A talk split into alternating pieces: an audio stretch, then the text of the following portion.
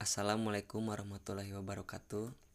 Perkenalkan, nama saya Nararipin dari mahasiswa Universitas Muhammadiyah Bandung dan jurusan Administrasi Publik.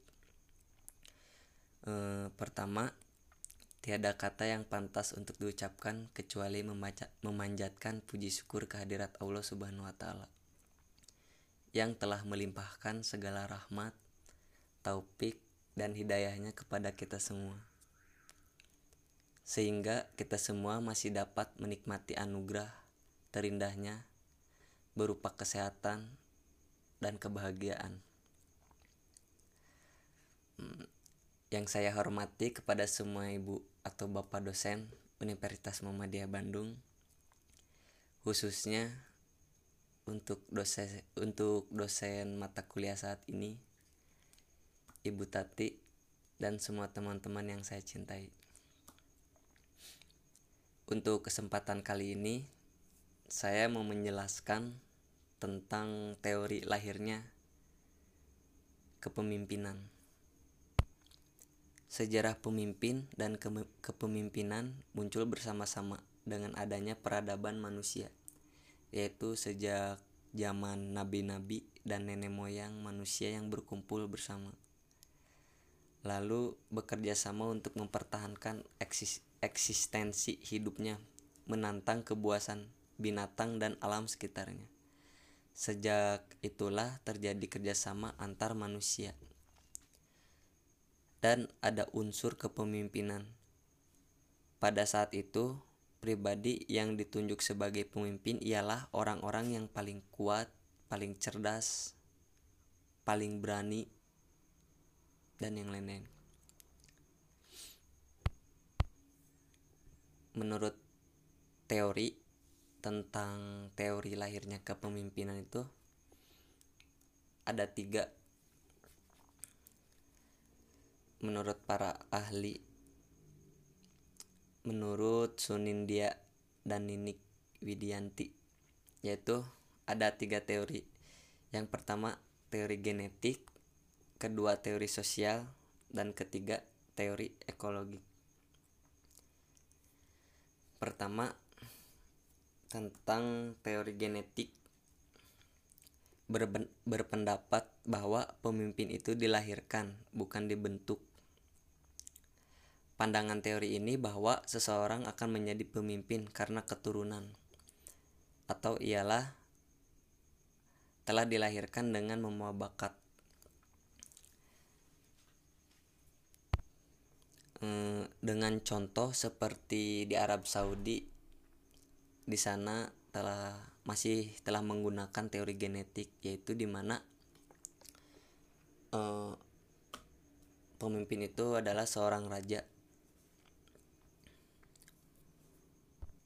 Nah, teori kepemimpinan ini uh, dapat saja terjadi karena seseorang dilahirkan telah memiliki potensi, termasuk memiliki potensi atau bakat untuk memimpin dan inilah yang disebut dengan faktor dasar. Dalam dalam realitas, teori keturunan ini biasanya dapat terjadi di kalangan bangsawan.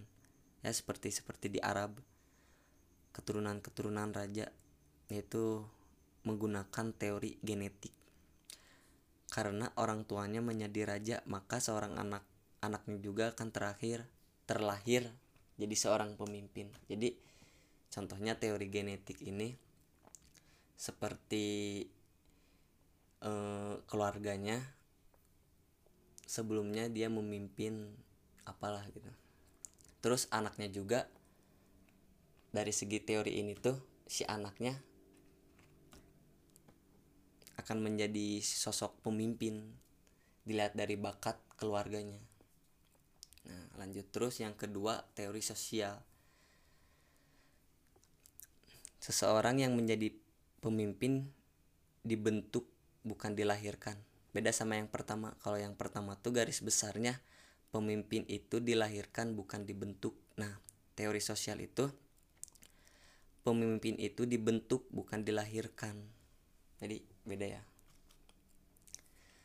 E, penganut teori berkeyakinan bahwa semua orang itu sama dan mempunyai potensi untuk menjadi pemimpin Tiap orang mempunyai potensi atau bakat untuk menjadi pemimpin. Hmm, hanya saja faktor lingkungan atau faktor pendukung yang mengakibatkan potensi terhadap teraktualkan atau tersalurkan dengan baik dan inilah yang disebut dengan faktor ajar atau latih atau latihan. Pandangan penganut teori ini bahwa setiap orang dapat dididik, diajar, dan dilatih untuk menjadi pemimpin. Hmm, intinya hmm, dari teori ini, dari teori sosial, bahwa setiap orang memiliki potensi untuk menjadi pemimpin, meskipun dia bukan merupakan atau berasal dari keturunan atau dari keluarga pemimpin dari seorang pemimpin atau seorang raja asalkan dapat dididik, diajar dan dilatih untuk menjadi pemimpin. Jadi menurut teori sosial itu menjadi seorang pemimpin itu tidak harus melihat dari eh, keturunan atau dari asal usul keluarganya. Hmm, intinya bertolak dari teori sosial ini jadi garis besarnya teori sosial itu eh, menjadi seorang pemimpin itu di, eh, di me, emang eh, intinya teori sosial ini secara garis besarnya seorang yang menjadi pemimpin itu dibentuk bukan dilahirkan ya terus lanjut ke teori tiga namanya teori ekologi Teori ini berpendapat bahwa seorang akan menjadi pemimpin yang baik manakala dilahirkan. E, beda ya sama yang teori genetik sama sosial. ini e, garis besarnya teori ekologi ini yang ketiga seseorang akan menjadi pemimpin yang baik manakala dilahirkan. Jadi ya pemimpin yang baik itu manakala di eh, manakala dilahirkan ya maka ada pemimpin gitu terus eh, teori ekologi ini manakala dilahirkan telah memiliki bakat pemimpin. Kemudian bakat tersebut dikembangkan melalui pendidikan, latihan, dan pengalaman-pengalaman yang memungkinkan untuk mengembangkan lebih lanjut bakat-bakat yang telah dimiliki. Sebenarnya dari teori ekologi gitu uh, agak sama seperti teori sosial. Tapi teori ekologi ini hmm, garis besarnya seseorang seseorang akan menjadi pemimpin yang baik itu manakala dilahirkan bukan dibentuk.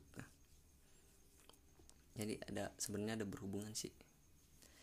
Jadi inti dari teori ekologi itu yaitu seseorang yang akan menjadi pemimpin merupakan perpaduan antara faktor keturunan, bakat, dan lingkungan yaitu faktor pendidikan, latihan, dan pengalaman-pengalaman yang memungkinkan bakat tersebut dapat teraktualisasikan dengan baik.